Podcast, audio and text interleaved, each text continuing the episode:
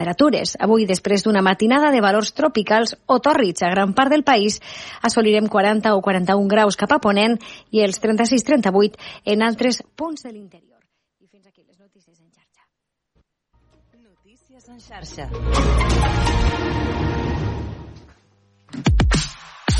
Obert per vacances amb Manel Ferrer.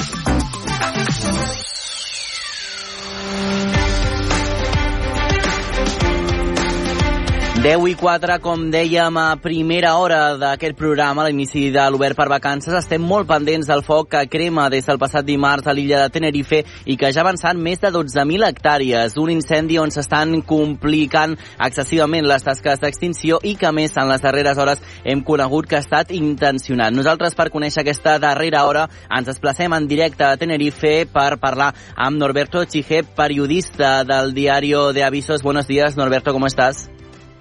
Hola, buen día. Gracias por acompañarnos. Eh, la primera pregunta, ¿cuál es la situación actual de ahora mismo, en estos momentos, en Tenerife? Ahora mismo la situación está mucho más calmada que cualquier otro día, desde que empezara el incendio el, la pasada noche del, del martes.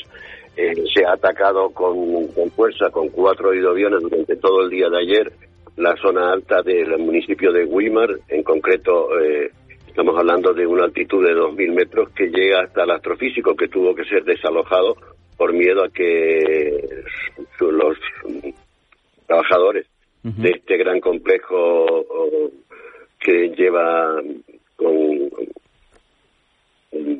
material ¿Sí? de, de, de, suma importancia no, no fuera dañado. También la zona de Santa Úrsula anoche volvió a, a, rebrotar, pero ha sido una noche mucho más tranquila, no ha habido viento, uh -huh. eh, el calor ha, ha, ha, mainado y realmente estamos en una situación de, de, de impasse, ¿no? Eh, está claro que hay todavía muchos focos eh, y flancos abiertos, tanto en el norte como en el sur de la isla.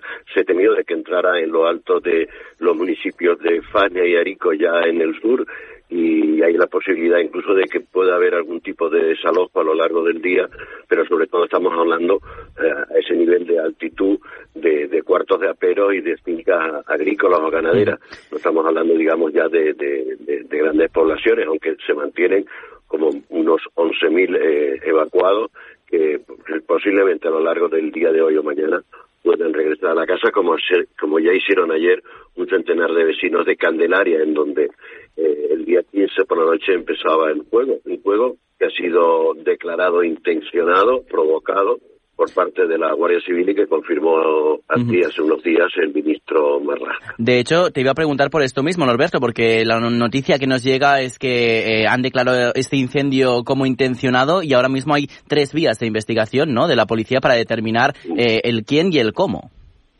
Efectivamente, parece que todo hace suponer que la técnica empleada como se conoce vulgarmente para un tipo de incendio provocado, es el de la mecha. Uh -huh. Es decir, utilizan como una botella con, con gasolina, le dejan una mecha de unos 5 o 6 metros y, y eso prende eh, despacito, despacio, despacio uh -huh. pero con mucha profundidad y en, y, y en, un largo periodo. Hubo casi, parece que la, la, la investigación va por, por cinco focos que esa misma noche eh, quemaron teóricamente el pirómano o pirómanos eh, que han provocado este gran desastre natural que vaya por más de 12.000 hectáreas y, y 12.000 evacuados. No, no ha habido, a pesar de la magnitud del incendio, desgracias, grandes desgracias materiales más allá de cuartos de apero o alguna finca o corral de, de, de animales, y, y, que se sepa no se ha destruido ningún inmueble y por supuesto tampoco ha habido ninguna víctima. De hecho, Norberto, dos preguntas rápidas uh, antes de despedirse porque sé que es un día, una jornada de mucho trabajo. Es el incendio que se recuerda más grande en toda la isla, ¿no? De la historia. El más, si no el más grande, sí el más raro, porque uh -huh. ha habido incendios con, que, que, han superado el, te, el, número de hectáreas, pero no han superado a lo mejor tantos días y sobre todo tantas zonas. Date cuenta que ha, ha implicado, al menos hasta ayer, a 11 municipios de los 31 de la isla y ya se ha quemado casi el 5% de la masa forestal de, de Tenerife. Hoy va a ser también un día importante porque justamente dentro de una hora llegará aquí el presidente del gobierno de España, Pedro Sánchez, para hacer una visita, supongo que el primero al puesto de mando avanzado en el municipio de Arafo, donde empezó esa noche del 15 el incendio, y luego pues una visita aérea para ver la, el daño causado por este incendio, aunque realmente eh, hoy el día está nublado en el sentido, yo no sé si nublado por la climatología o nublado pues todavía por ese humo que desprenden esos esos rescoldos del, de, los grandes incendios que ha habido, tanto en la cordillera que da hacia el norte de la isla, la más verde, por aquello de que ahí reposan los vientos alisios, como la más árida, árida, la del sur. Pues eh, estaremos eh, muy pendientes también de esta visita del presidente en funciones del gobierno Pedro Sánchez de aquí unos minutos también en el territorio y también supongo, Norberto, que mm, la intención también sería perfecto que lloviese, ¿no? En las próximas horas también para ayudar pues eh, en estas tareas de extinción. Sí, aquí curiosamente se dice que ha llovido en Las Palmas, que parece que lo tienen todo, tiene el equipo en primera y tienen lluvia, y nosotros aquí pues han caído cuatro goterones, pero evidentemente no esa lluvia tan necesaria que empape el, el terreno eh, por donde está circulando todavía el, el incendio, ¿no? eh, incluso un incendio que ha creado, se llama un incendio de sexta generación, porque ha creado su propia meteorología y en más de una ocasión se ha visto incluso eh, la, la, presencia de algún rayo provocado precisamente por esas térmicas que crea el propio incendio. Pues eh, Norberto Chijev, gracias por acompañarnos hoy y te leemos en Diario de Avisos. Te dejamos porque sabemos, como decíamos, que las en los próximos minutos va también a aparecer el presidente del gobierno, entonces entiendo que se te acumula trabajo. Muchas gracias por haber pasado hoy también por lugar para vacanzas. Bon dia, Manel, i bon, bon dia, dia a Catalunya. Gràcies, que vagi molt bé. Adeu. Thank you.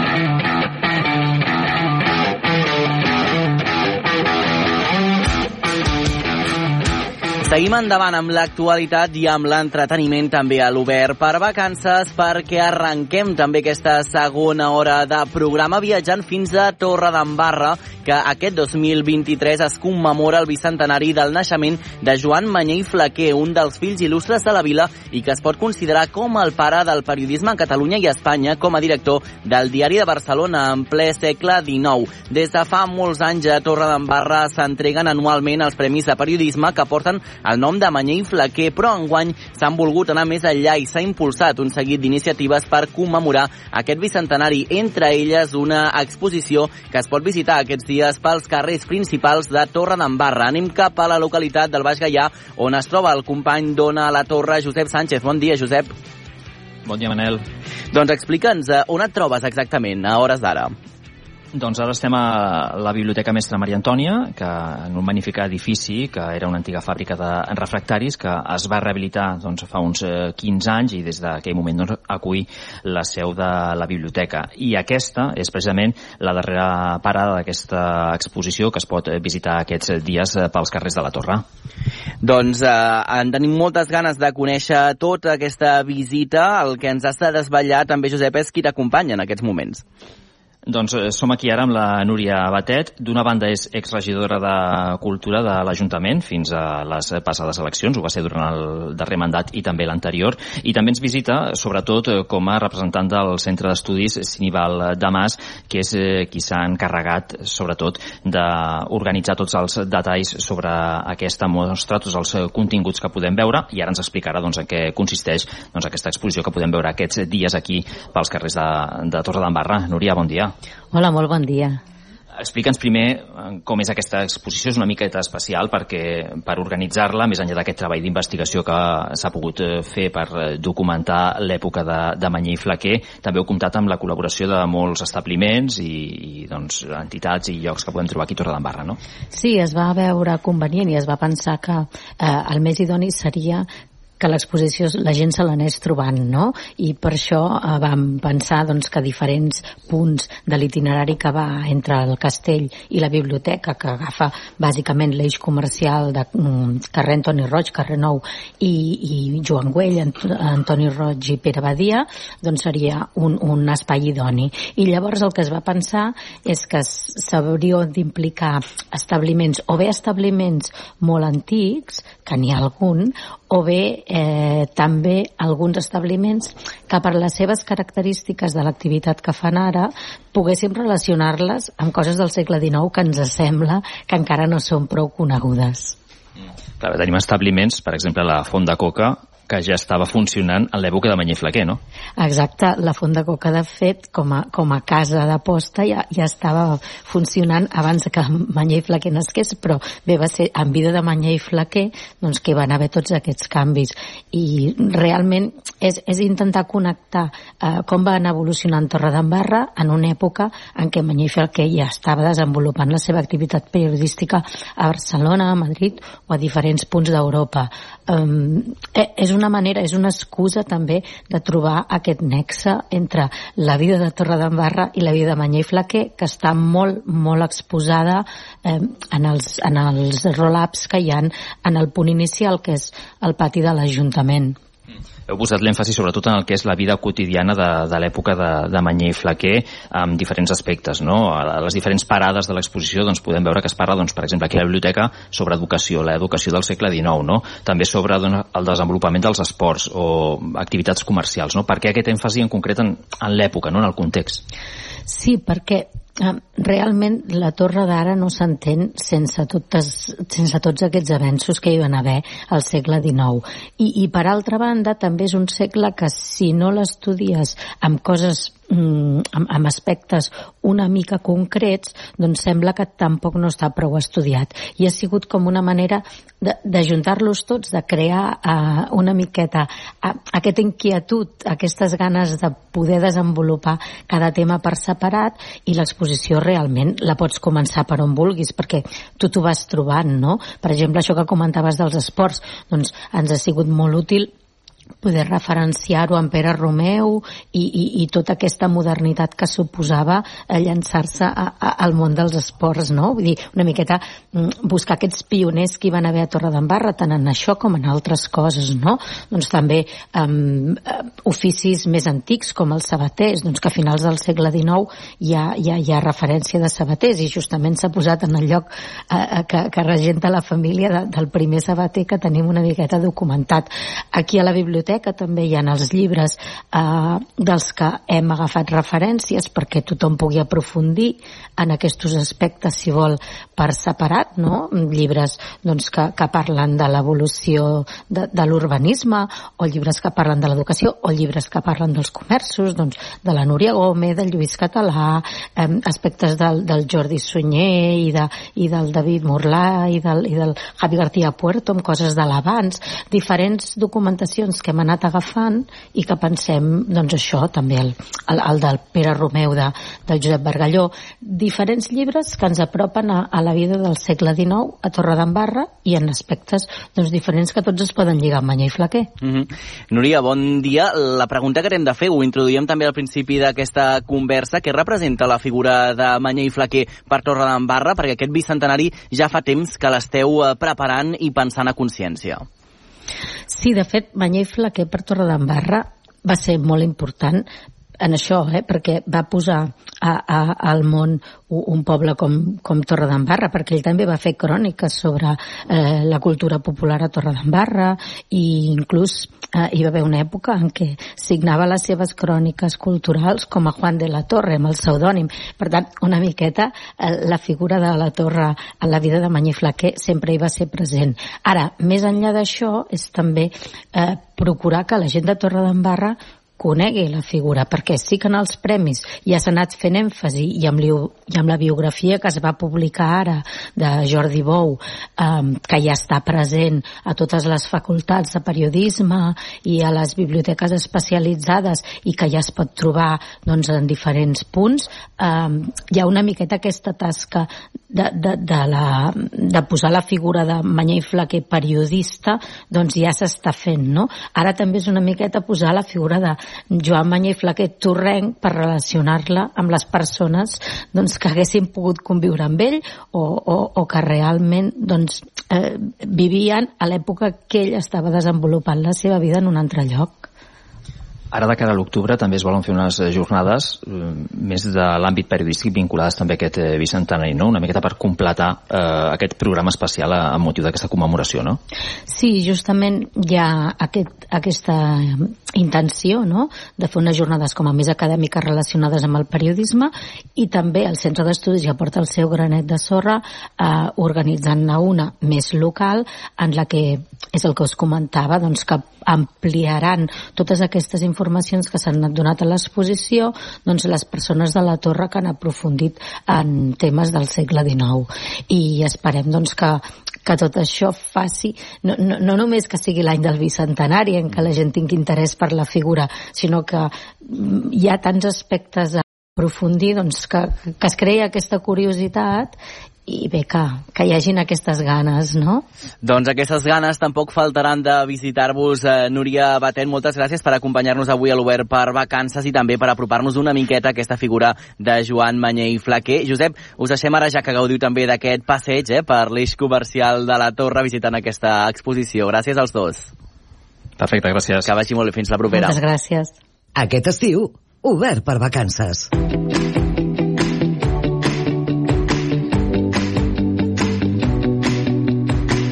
10 i 19 anem a conèixer un nou Paraules Habitables, que per cert ja podeu trobar també a la xarxa a més. La passió dels catalans per la meteorologia fa les coses fàcils per parlar de canvi climàtic en català. En aquest àmbit traduïm molt i la feina del Termcat se centra a descobrir enganys, falsos amics com el temps de residència o falsos elements com el carboni.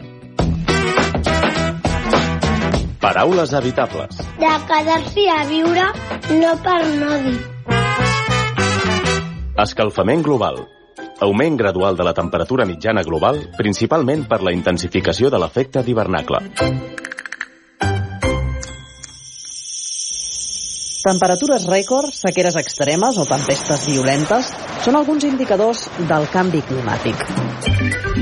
Avui ens ocupem de l'emergència, dels seus efectes a nivell lingüístic i de qui els estudia el Termcat, que és la Marta Sabater. A diferència d'altres àmbits, que sobretot el que fem és, quan ens arriben paraules de l'anglès, la tendència general és fer servir els manlleus de l'anglès, és a dir, les formes angleses pròpiament. En aquest àmbit, probablement, tot i que és un àmbit especialitzat, evidentment, però és un àmbit molt acostat a la llengua general i que sempre hi ha la necessitat de divulgació, jo crec que això fa que no acabem incorporant formes d'altres llengües, de l'anglès en general com passa, sinó que el que fem és traduir-les generalment, les calquem, i és el, el cas d'aquest escalfament global. I és una forma que s'utilitza paral·lelament en totes les llengües del nostre entorn, traduïda. I això és una cosa que sol passar, ja no només en emergència climàtica, sinó en, en l'àmbit del medi ambient, és molt habitual fer aquest tipus de traduccions, que en general no presenten cap problema des d'un punt de vista lingüístic, perquè la mateixa metàfora que fas en anglès, en general la pots fer en català, no hi ha cap problema. I llavors on és la dificultat del vocabulari de l'emergència climàtica? Sí que és cert que hi ha alguns casos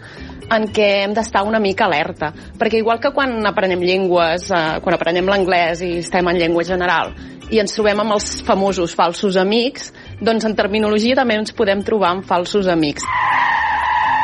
Falsos amics?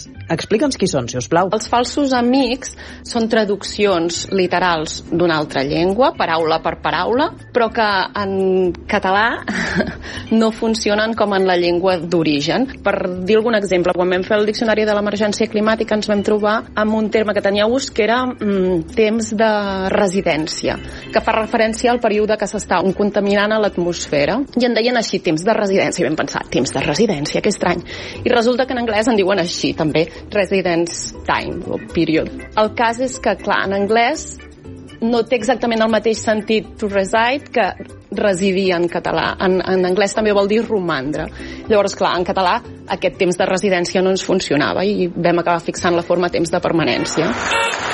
I el cas del carboni? Aquest potser no és un fals amic, però déu nhi no, Marta? En aquest àmbit ens trobem amb molts termes mm, sintagmàtics, que diem, de més d'una paraula, que contenen el terme carboni, que si el mercat de carboni, la neutralitat de carboni, la petjada de carboni, i la particularitat d'aquest cas és que aquest sentit, el sentit que tenen aquests termes carboni, no és el sentit clàssic de l'àmbit de la química que sempre s'ha donat al terme carboni, és a dir, el carboni fa referència a un element químic. Fins aquí cap problema. El que passa és que en aquests termes no té aquest sentit. A partir del terme diòxid de carboni, i tenint en compte que el diòxid de carboni és un dels principals gasos amb efecte d'hivernacle, el terme carboni ha passat a designar el conjunt de gasos amb efecte hivernacle. Potser primer va començar a fer referència als gasos amb efecte d'hivernacle que contenien carboni, com és el diòxid de carboni o el metà o altres gasos, però a la llarga acabat fent referència al conjunt de, de gasos amb efecte d'hivernacle.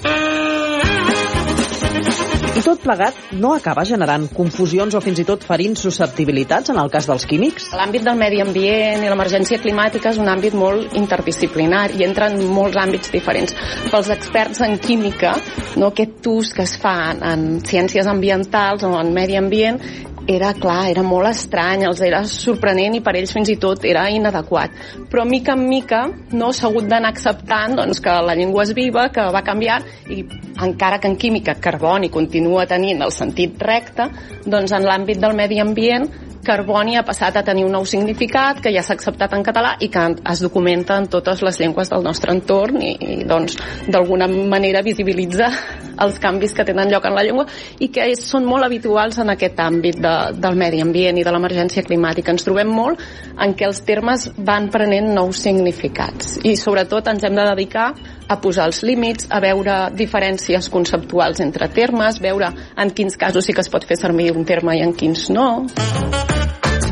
Escolta, si parlem de clima, aquest desfici que tenim els catalans i les catalanes per la meteorologia us acaba ajudant o què? Jo diria que ho enriqueix, no?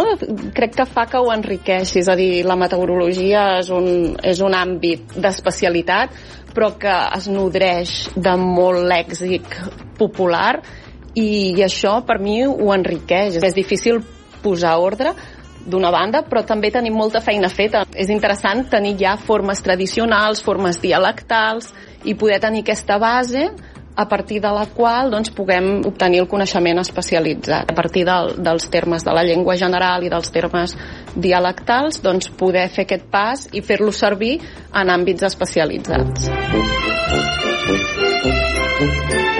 Per tant, la teva feina és fer una mica de senyora Fletcher del Termcat, no? Veure quines paraules en realitat no són qui diuen ser.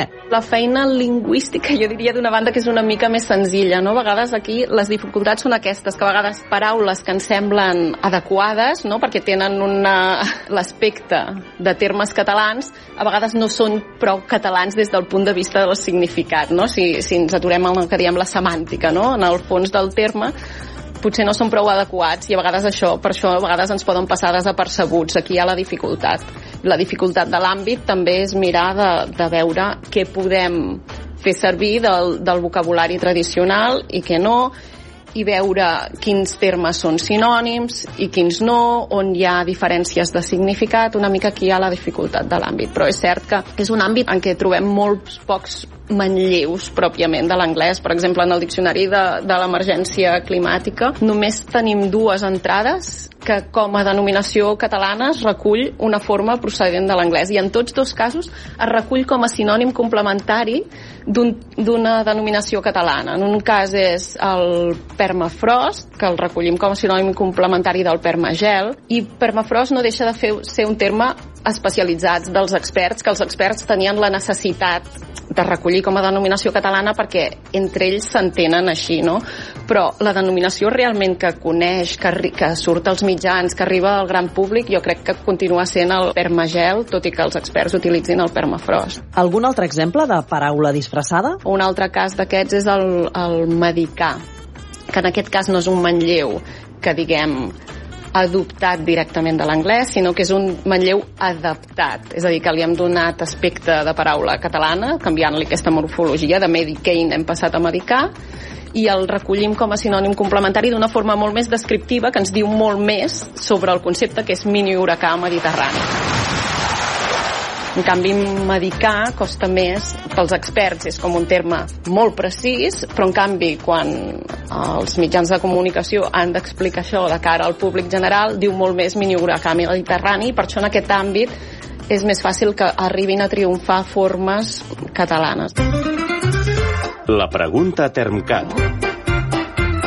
Tanquem el capítol amb aquesta pregunta, com sempre. Avui li plantegem al Jordi Bové, el director del Termcat, què ha passat amb l'amenaça de barbarismes clàssics com el columpio o el bombero. Jordi, els han rellevat els anglicismes? Sí, de fet, a veure, barbarismes segurament ho eren aquells i ho són ara, evidentment, els anglicismes. És, és, és veritat que els nous barbarismes i els barbarismes actuals són sobretot aquests, aquests anglicismes que, que arriben. Eh? Vull dir, hem fet un canvi, és dir, va haver un moment que els castellanismes, per la situació que teníem política, sobretot, doncs, eren la via d'entrada, era un problema que només tenia el català en aquell moment, eh, que no tenia la resta de llengües, i ara hi ha hagut, és un problema global de les llengües, com, que és el, els anglicismes. I efectivament, actualment, són sobretot eh, termes de, de l'anglès que hem de vigilar perquè si els anem acceptant aquests barbarismes de manera acrítica pot arribar un moment en què estiguem parlant en català però amb, amb vocabulari eh, aliè.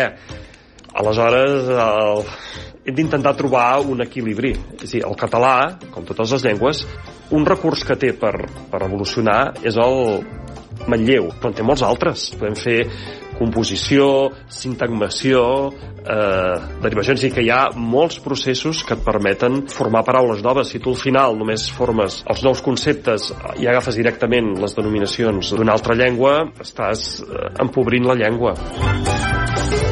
Paraules Habitables és un podcast de la xarxa en col·laboració amb el Termcat.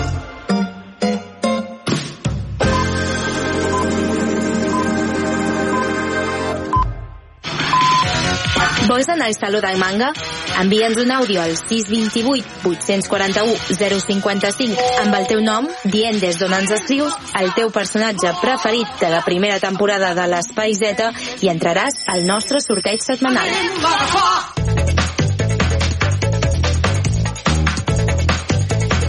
Dos quarts d'onze en punt, seguim a l'obert per vacances i és el moment d'anar cap a la comarca d'Osona, la seva capital. L'Eudal Puig del 9FM ens havies dit que aniríem a un lloc que és essencial a les nostres vides, no? Digue'ns, explica'ns, on et trobes, Eudal?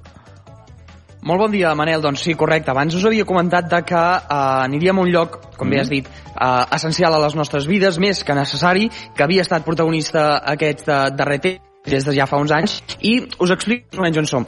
Si us en recordeu, ja fa uns dies vam visitar uh, la Biblioteca Pilarín Vallès, mm -hmm. situada al Passeig de la Generalitat, i és que avui també ens n'hem anat una mica aquí al Passeig de la Generalitat, però una miqueta més avall.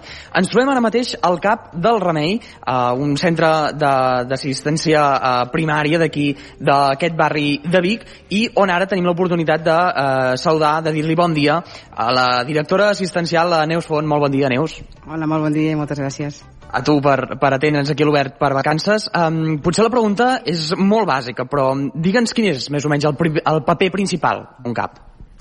Bueno, doncs bàsica la pregunta i bàsica la resposta.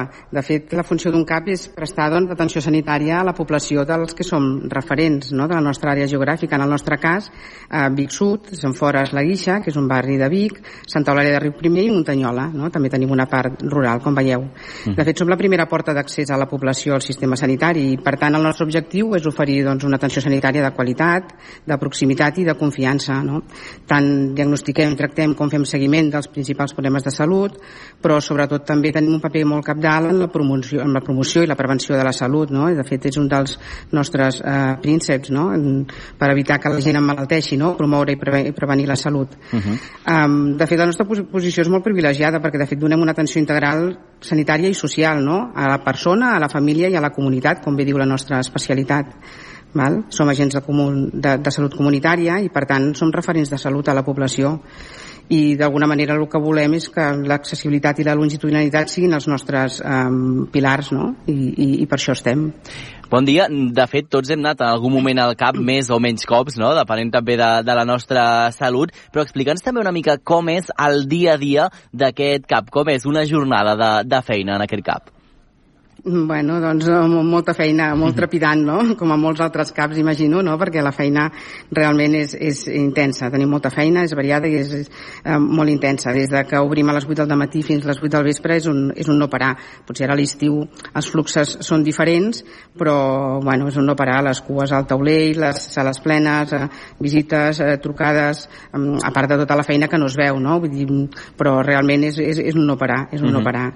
Tinc un, un dubte ara mentre t'escoltava que ens deies que el flux de gent és diferent durant l'estiu, eh, però per què acostumem a anar al metge a l'estiu? Què és el que més ens passa a l'estiu? Què és amb el que més us trobeu?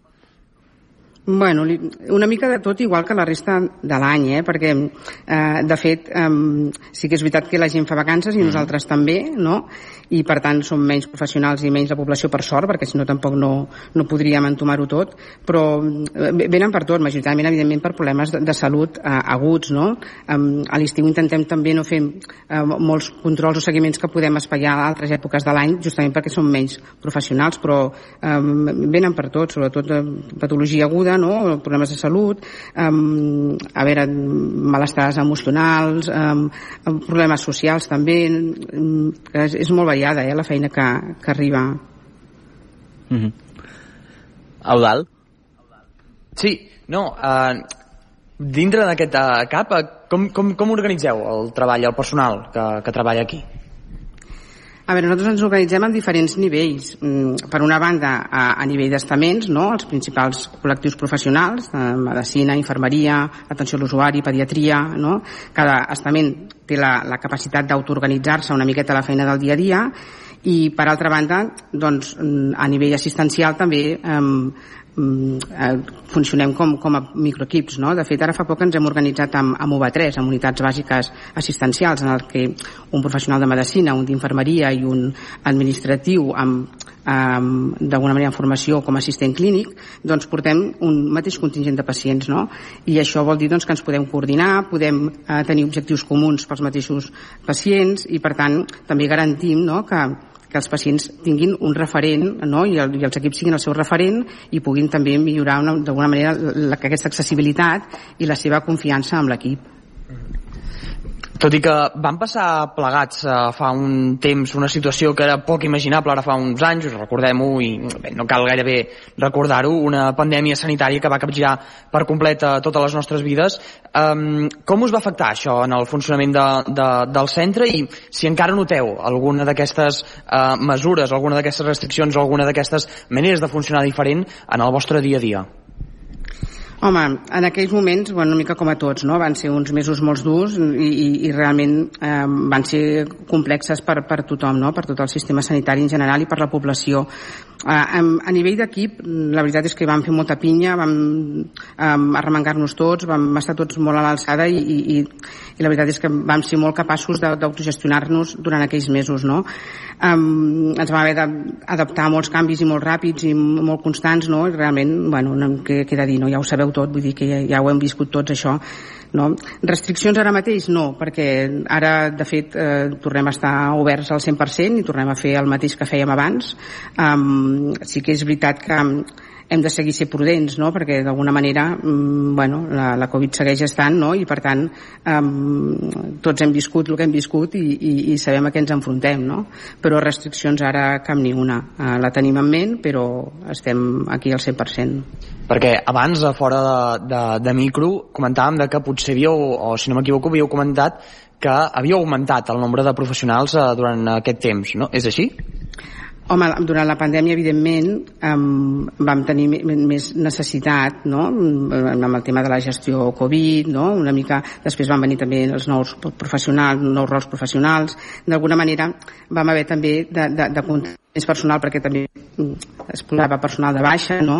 um, perquè malaltien i d'alguna manera hem pogut també estabilitzar una miqueta més la, la, la, la plantilla a l'alça no? en aquest sentit i això també ha sigut important també és veritat que la, la població també ha anat augmentant força no? i per tant ens hem hagut d'adaptar una miqueta a tota la situació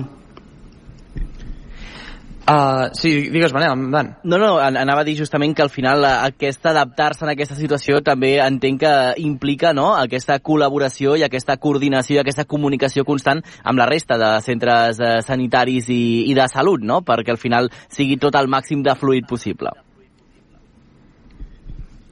Sí, per descomptat, no? la col·laboració entre tots els eh, implicats és imprescindible. De fet, tots som importants i tots formem aquest sistema de salut no? i el sistema de salut l'hem d'alguna manera l'hem de mantenir entre tots, és el nostre petit tresor i l'hem de, de cuidar no? si una part no, no va bé o no funciona l'altra també se'n ressenteix uh -huh. per tant mm, és important la col·laboració entre els diferents sistemes sí que és veritat per això que nosaltres seguim abogant no? que és important que l'atenció primària sigui forta i robusta i que per tant estigui ben dotada de recursos um, perquè si no això debilita tota la resta del sistema. Si nosaltres podem fer bé la nostra feina i tenim els recursos adequats, um, evidentment la resta del sistema no se'n ressentirà tant. Si us sembla, ara, Manel, eh, presentem o saludem a una altra professional que treballa aquí en el centre del Remei. Ella és la Marta Dax, que és infermera. Bon dia, Marta. Bon dia. Um, escolta'm, considereu que teniu prou suport uh, en un barri amb les característiques que té el Remei? Sí, som part d'aquest barri, fa molts anys que hi som i ens identifiquem, ens identifiquem totalment. Sí que és veritat que hi ha la diversitat socioeconòmica, lingüista, cultural, que és molt important i és una realitat, però també és un repte que fa molts anys que treballem amb ell. Uh, estem convençudes que el treball en xarxa és la resposta a aquesta diversitat i amb això el que estem fent és treballar doncs, amb tot de gens del barri, des de l'associació de veïns, a l'Ajuntament, entitats que n'hi ha moltes i molt diverses i per exemple ara estem treballant molt amb el Consell de Barri que és interdisciplinari amb la taula de salut de Vic que estem, aquest any s'ha redactat el Pla Local de Salut de Vic. Després per treballar també estem amb el projecte Comunalitats, que hi ha dos eixos de treball on nosaltres hi tenim bastant a dir, que és la bretxa digital, que ens afecta molt aquí en el CAP, i també hi ha un projecte que és de les persones cuidadores internes de les cases que des del projecte Comunalitats estem intentant que tingui millors condicions de treball. Després hi ha aliances amb l'associació de veïns perquè fem xerrades sota demanda del que ens demanin i tenim un projecte bastant important que vam començar l'any passat que és l'Escola de Salut de l'OAR que és el club de futbol del barri que hi ha unes 500 criatures i en aquests moments estem fent projectes de nutrició perquè és la manera de arribar a més gent a part de la consulta sempre has de mirar gairebé treballant amb pista al carrer no? i sobretot nosaltres el que trobem molt important és que la comunitat ens tingui com de referents però nosaltres també saber quins referents hi ha a la comunitat per tal d'adreçar-nos uh -huh. i que les nostres activitats i consells arribin a més gent doncs Marta Dax, infermera d'aquí de, del CAP del Remei i també doncs uh, Neus Font, directora assistencial moltes gràcies per atendre'ns aquí a l'Obert per vacances d'avui moltes gràcies per convidar-nos. Gràcies a vosaltres. Moltes Manel, ja ho veus, tot teu. Gràcies a Eudal, gràcies a vostès també per acompanyar-nos i per explicar-nos també aquesta bona feina que fan avui també a l'Obert per vacances. Fins la propera. Adéu.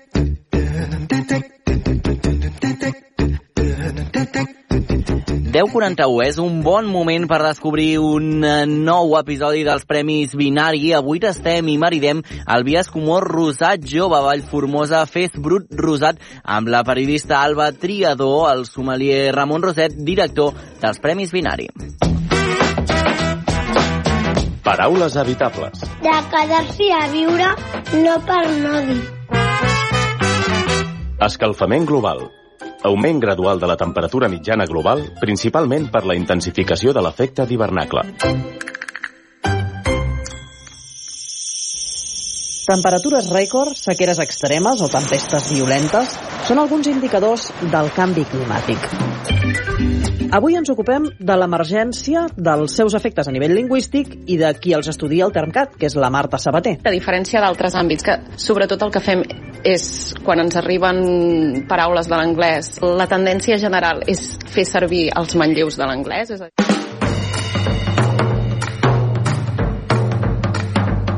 A quina temperatura hem de beure'ns un vi escumós? Quina és la millor manera de refredar-lo? Quines són les millors copes per servir-lo? Obrim la sisena ampolla dels cellers dels Premis Binari, la segona amb carbònic, per endinsar-nos un xic més en els vins escumosos. Premis Binari. Amb Alba Triador. Ramon Rosset, sumiller i director dels Premis Binari, com estàs? Molt bé. Segon capítol per parlar dels vins escumosos, que Correcte. tenen molta tela per tallar.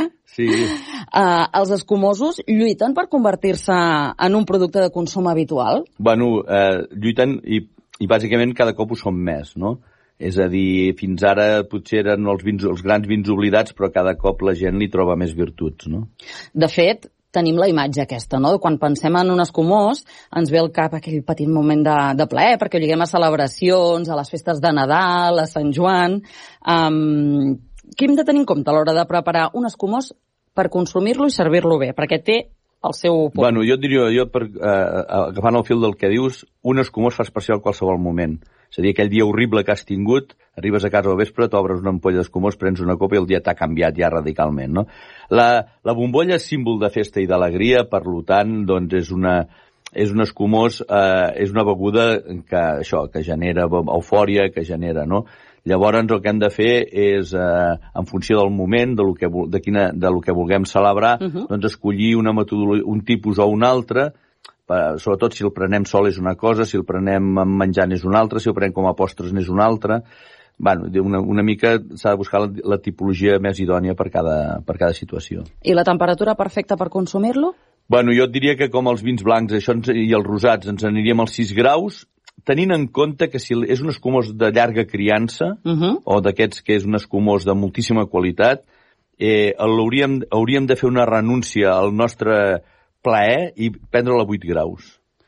Per notar més tota bueno, les... la, la complexitat. La complexitat sí, del De fet, si tu vas als grans restaurants, els grans xampanys i els grans escumosos, te'ls serveixen en, que la gent sempre es queixa, diu, ui, està fresc però no està fred. Per què? Pues perquè, diguem-ne, si els prenem amb molt baixa temperatura, no podem apreciar tots els matisos que tenen. I l'hem de refredar íntegrament a la nevera o ho podem fer amb una glaçonera? No, aquí el seu és la glaçonera. Vale? Refredar a la nevera és còmode, és pràctic, però no és, no és la manera més òptima per refredar. Doncs prenem, prenem nota, eh? Um, el tipus de copa. Aquí sí que sabem que l'hem de fer servir diferent, perquè Correcte. és important. Bueno, la copa, de, la copa tradicional de flauta ha quedat en desús, vale? perquè potencia molt el carbònic i amaga molt els matisos del vi, no? les aromes i, i els gustos. Llavors, l'ideal ara, si no tenim una copa especial per escumós, és fer servir la copa de vi blanc. Vale? Perquè, és una, perquè el que farem és eh, restar-li importància al carbònic i donar més protagonisme a lo que és la, la, la part aromàtica del, del producte. Parlem avui de l'escumós rosat, que és un segment de creixement en els últims anys. Almenys aquesta és la, la Bueno, sensació, no? Sí, és curiós perquè, per exemple, en d'altres regions del món, com a França, l'escumós rosat és molt més prestigiat que el blanc, no? Si tu vas a comprar un xampany, el rosat és molt més car que el blanc, de la mateixa marca. Aquí fa un temps que l'hem descobert, l'escumós rosat és, a part de ser, diguem-ne, uh, organolèpticament molt divertit, molt xulo i que, i que d'això, dona molt de glamour. Vull dir, unes bombolles rosades és aportar un punt de glamour a qualsevol punt on les posis, no? És el, és el gran escumós doncs, de, de benvinguda, d'inauguracions, i també gastronòmicament, eh? Ramon, doncs prenem nota per quan vulguem anar a un àpat o una festa glamurosa portarem un escumós rosat. I ho fareu. Gràcies, Ramon, però aquest cop no marxis gaire lluny. Enguany, els Premis Binari han reconegut el Vallformosa Fes Brut Rosat Orgànic 2024 del celler Vallformosa amb el binari Gran Or al millor escumós rosat jove. Qui millor que en Ramon, director d'aquests guardons, per explicar-nos què hem de saber d'aquest escumós. El Vallformosa Fest Brut Rosé és un escumós eh, rosat de tipus brut, això vol dir que té porta una mica de licor d'expedició que li dona un final dolcenc, té una criança de 12 mesos amb les seves mares i està elaborat amb les varietats garnatxa i trapat. És un escumós jove, és fresc, amb moltes aromes de fruites vermelles, que et deixa unes sensacions molt agradables, afruitades, amb una bombolla molt juganera. Amb tota aquesta informació, ja només ens falta saber quina és la proposta del celler per fer un bon maridatge. El maridatge que li va molt bé en aquest escumós rosat seria una tartaleta de fruits vermells feta a base d'una pasta brisa amb crema pastissera i tot una, tot una col·lecció de fruites vermelles, mores, groselles, eh, maduixetes, que, ni, que això combinarà molt bé amb les aromes i, el, i els sabors d'aquest escumós. Amb aquesta fantàstica proposta per maridar el Vallformosa Fes Brut Rosat Orgànic 2024 ens acomiadem. Al pròxim capítol arribarem al final d'aquesta sèrie i ho farem ni més ni menys que amb el vi guanyador del Gran Binari d'Or 2022, el Cabrida 2020. Salut! Doncs salut, gràcies Alba. Nosaltres seguim endavant perquè és el moment que hem de sortejar aquestes dues ampolles de signos al Vireo Brut 2021 del celler 1 més 1 fan 3 de la Deo Cava i que és un vi escumós blanc. Sabem ja que el número guanyador és el número 4 que pertany a...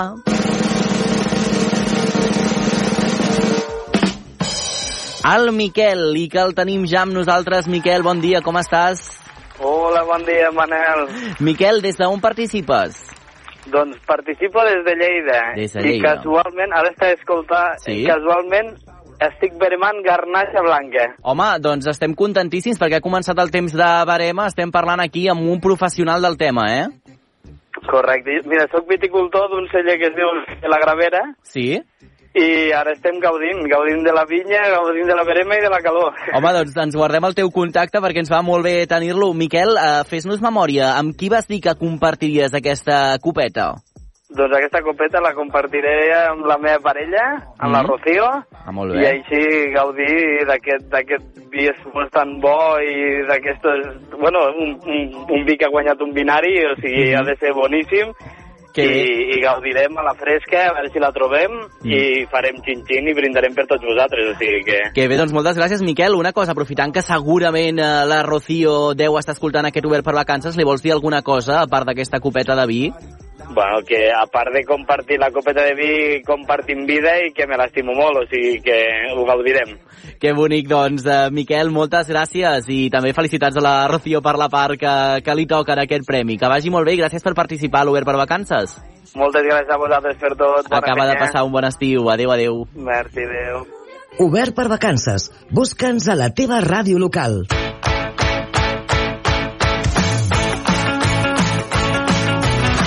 I ja s'està convertint gairebé en un costum, eh? Regalar ampolles de vi a parelles felices a l'Obert per Vacances, doncs ens encanta. Això és el moment ja també de parlar amb l'Àlex Riba, el nostre company, que no es perd ni un dels plans que passen arreu de Catalunya. Anem a omplir aquesta agenda. Àlex Riba, bon dia. Molt bon dia, Manel. Efectivament, eh? us porto unes quantes activitats per fer-vos més fàcil aquest inici de setmana que de vegades es fa costar amunt, no? Oh, i tant, doncs som-hi, per on comencem?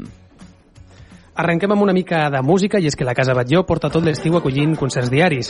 Es tracta de les Nits Màgiques, un cicle que inclou una visita al monument modernista i una actuació musical. L'artista canvia cada nit, però l'horari sempre és el mateix. La visita té lloc a les 8 del vespre i el concert a les 9 de la nit. A més, hi ha una gran varietat d'estils musicals com jazz, pop, flamenc i fins i tot rock. Carai, interessant. I sobretot, quan costa aquesta entrada? L'entrada té un preu de 59 euros i recordem que inclou visita amb audioguia, concert i copeta de cava per acabar. Home, doncs un pla prou, prou complet, eh? M'agrada això d'acabar amb una copeta de cava, tot i que l'Obert per Vacances són més de vi, però escolta'm, uh, podem fer la- l'excepció, Àlex. Exacte. Uh, què més ens proposes per avui?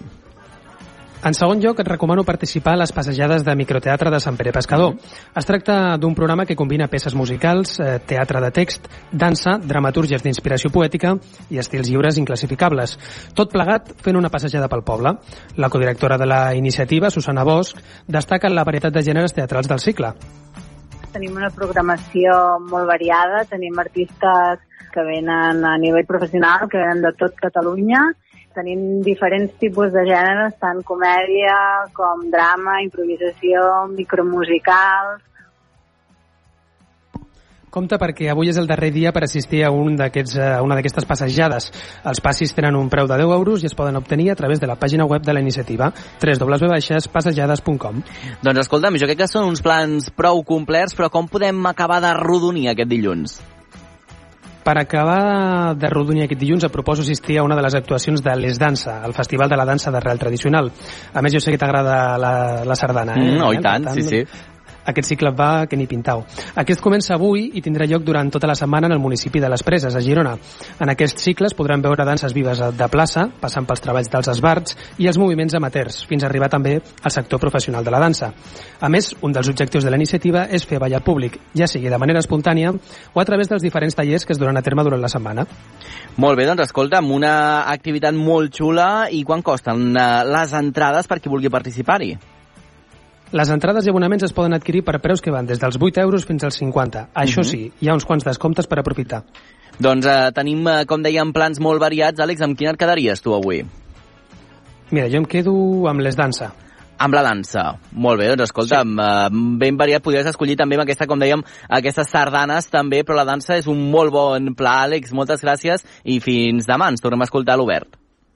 Fins demà, Manel. Que vagi bé, adeu.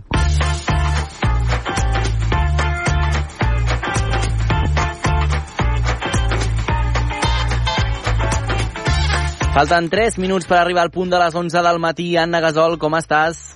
Bon dia, Manel. Molt contenta que tornem a repartir. Ho has escoltat, eh? Parelles felices que guanyen premis a l'Obert. Què més podem demanar?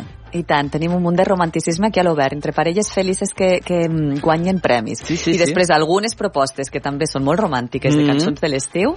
Escolta, fem Sí, sí. el... un I a més. Anna, el Miquel, que ha guanyat, que a més estava fent la barema, és a dir, és que hem anat a fer guanyador, no? L'atzar ha portat a fer guanyador a una persona que coneix molt bé el, el terreny, eh? I tant, estava convençudíssima eh, que provaria un bon vi, que si era un premi binari, ha dit, segur que serà boníssim. Ara. Mhm. Escolta'm, si vols aprofitem que passa per aquí aquest eh, riu no, de l'Obert per vacances per recordar que la setmana que ve serà la darrera de programa, no vull pensar-ho encara perquè si no ploro, però tindrem Mm. encara eh, més sorteig dels Premis Binari. Com pot la gent participar i què estem demanant? Tant, ara comencem, inaugurem eh, un nou sorteig de Sí. premis binari. Llavors, dilluns que ve el resoldrem, com sempre, enviant un missatge de veu, eh, sortejant entre tots aquells que rebeu, Mhm. que envieu un missatge de veu al 628 841 055 amb el vostre nom i, amb, i dient-nos amb qui us prendria una copeta o dues de vi. Molt bé. Però tu, que ja ets molt generós, Sí. em sembla que dilluns que ve encara ho seràs un pèl més. Sí, perquè com serà el darrer dilluns, ja serà com el darrer dilluns, darrer dimarts, i estaré així com molt nostàlgics, ja us avanço, atenció, que regalaré dos lots de vi per tant, eh, no, no, tiraré la casa per la finestra directament. Per tant, eh, teniu més opcions encara de poder guanyar, perquè es dupliquen les opcions. Per tant, hi haurà dos guanyadors la propera setmana, per tant, tirarem la casa per la finestra directament, o la ràdio per la finestra directament. Eh, Anna, anem a la cançó de l'estiu, perquè també estem rebent molt enèrgicament aquestes sol·licituds de les cançons a l'estiu.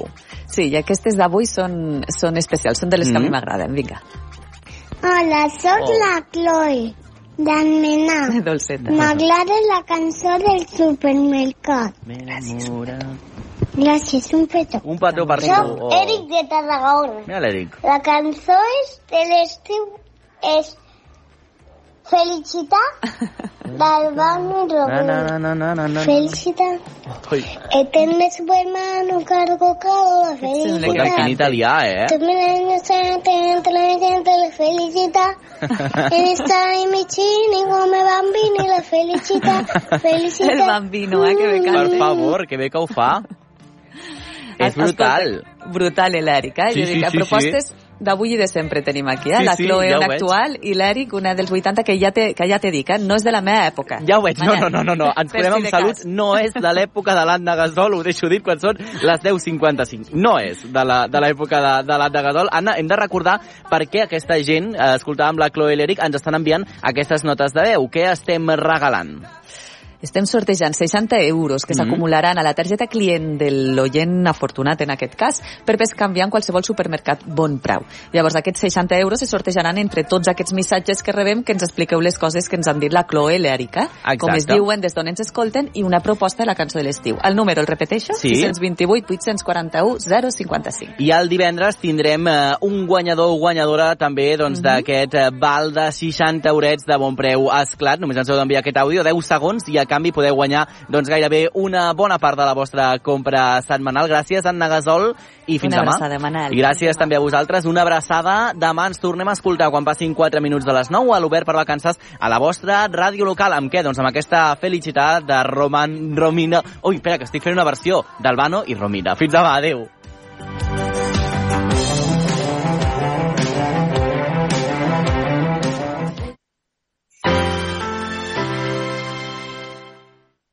La xarxa de comunicació local.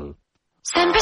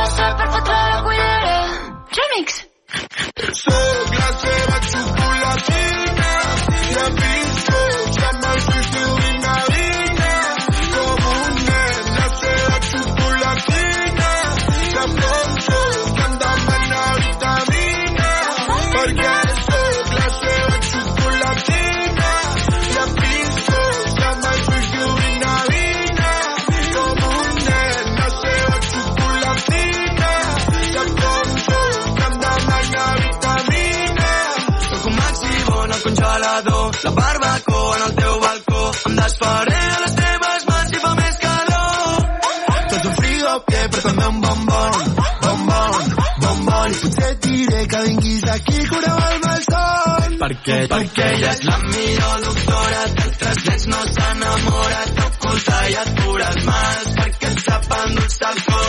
És la millor professora, coneix tota fauna i flora i m'ensenya tot el que sap, cada dia em posa a prova.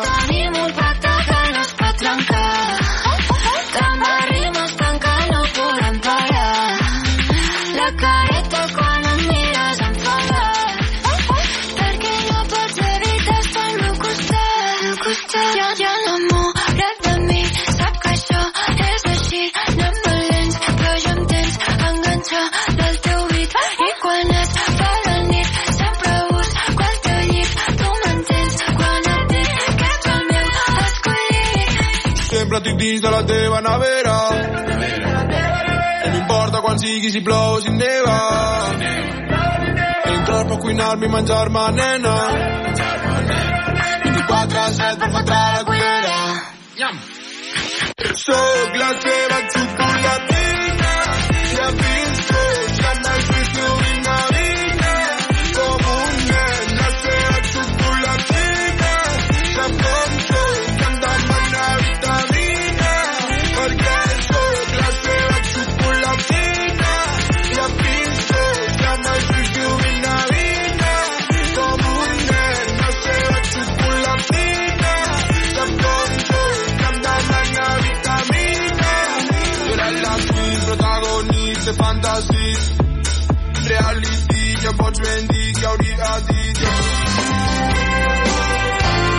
La xarxa de comunicació local.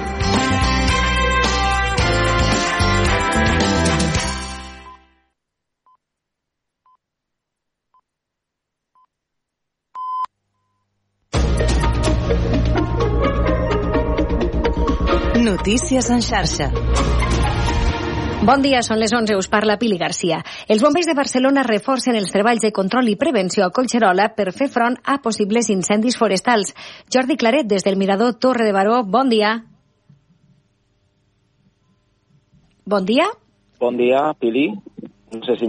Et sentim perfectament, Jordi. Endavant. Bon dia, doncs, doncs sí, davant eh, el risc d'incendis generalitzat són molts els parcs naturals que han tancat els com a mesura preventiva. Ho fan en plena onada de calor i davant de la previsió de diverses jornades amb altes temperatures de forma continuada. En concret, aquí a Barcelona s'intensificaran els treballs de manteniment dels hidrants, des d'on s'extreu l'aigua i també l'augment del control dels accessos als camins. A més, es revisarà també tots els recursos dels principals parcs de la regió, com són Vallvidrera, Vall d'Hebron i Sant Andreu, a l'ordre del dia. Són recorreguts eh, que es faran amb vehicles de bombers de Barcelona, però més lleuger, poder actuar ràpid en cas d'un primer de foc. Des del cos s'han mostrat satisfets amb el temps de campanya, ja que no s'ha registrat cap incendi a cable a l'àrea de Barcelona, però igualment fet una crida a no baixar la guàrdia i mantenir, mantenir les recomanacions de seguretat. Doncs moltes gràcies, Jordi Claret, i bon dia, que vagi bé. L'Observatori Fabra registra la matinada d'aquest dilluns una temperatura mínima de 27,9 graus. En cas de confirmar-se en acabat el dia, seria la segona mínima més elevada des de 1923. I la maquinària per a la sessió d'investidura comença a caminar i el rei Felip VI obrirà avui a la tarda uh, avui al matí, perdó, la ronda de contactes amb set grups parlamentaris representats al Congrés per sondejar com està l'equilibri de forces i quin és el candidat millor posicionat per encomanar-li formar govern. Els altres quatre grups que han declinat participar en les consultes són el Bloc Nacionalista Gallec, el BNG, Bildu, Esquerra Republicana i Junts.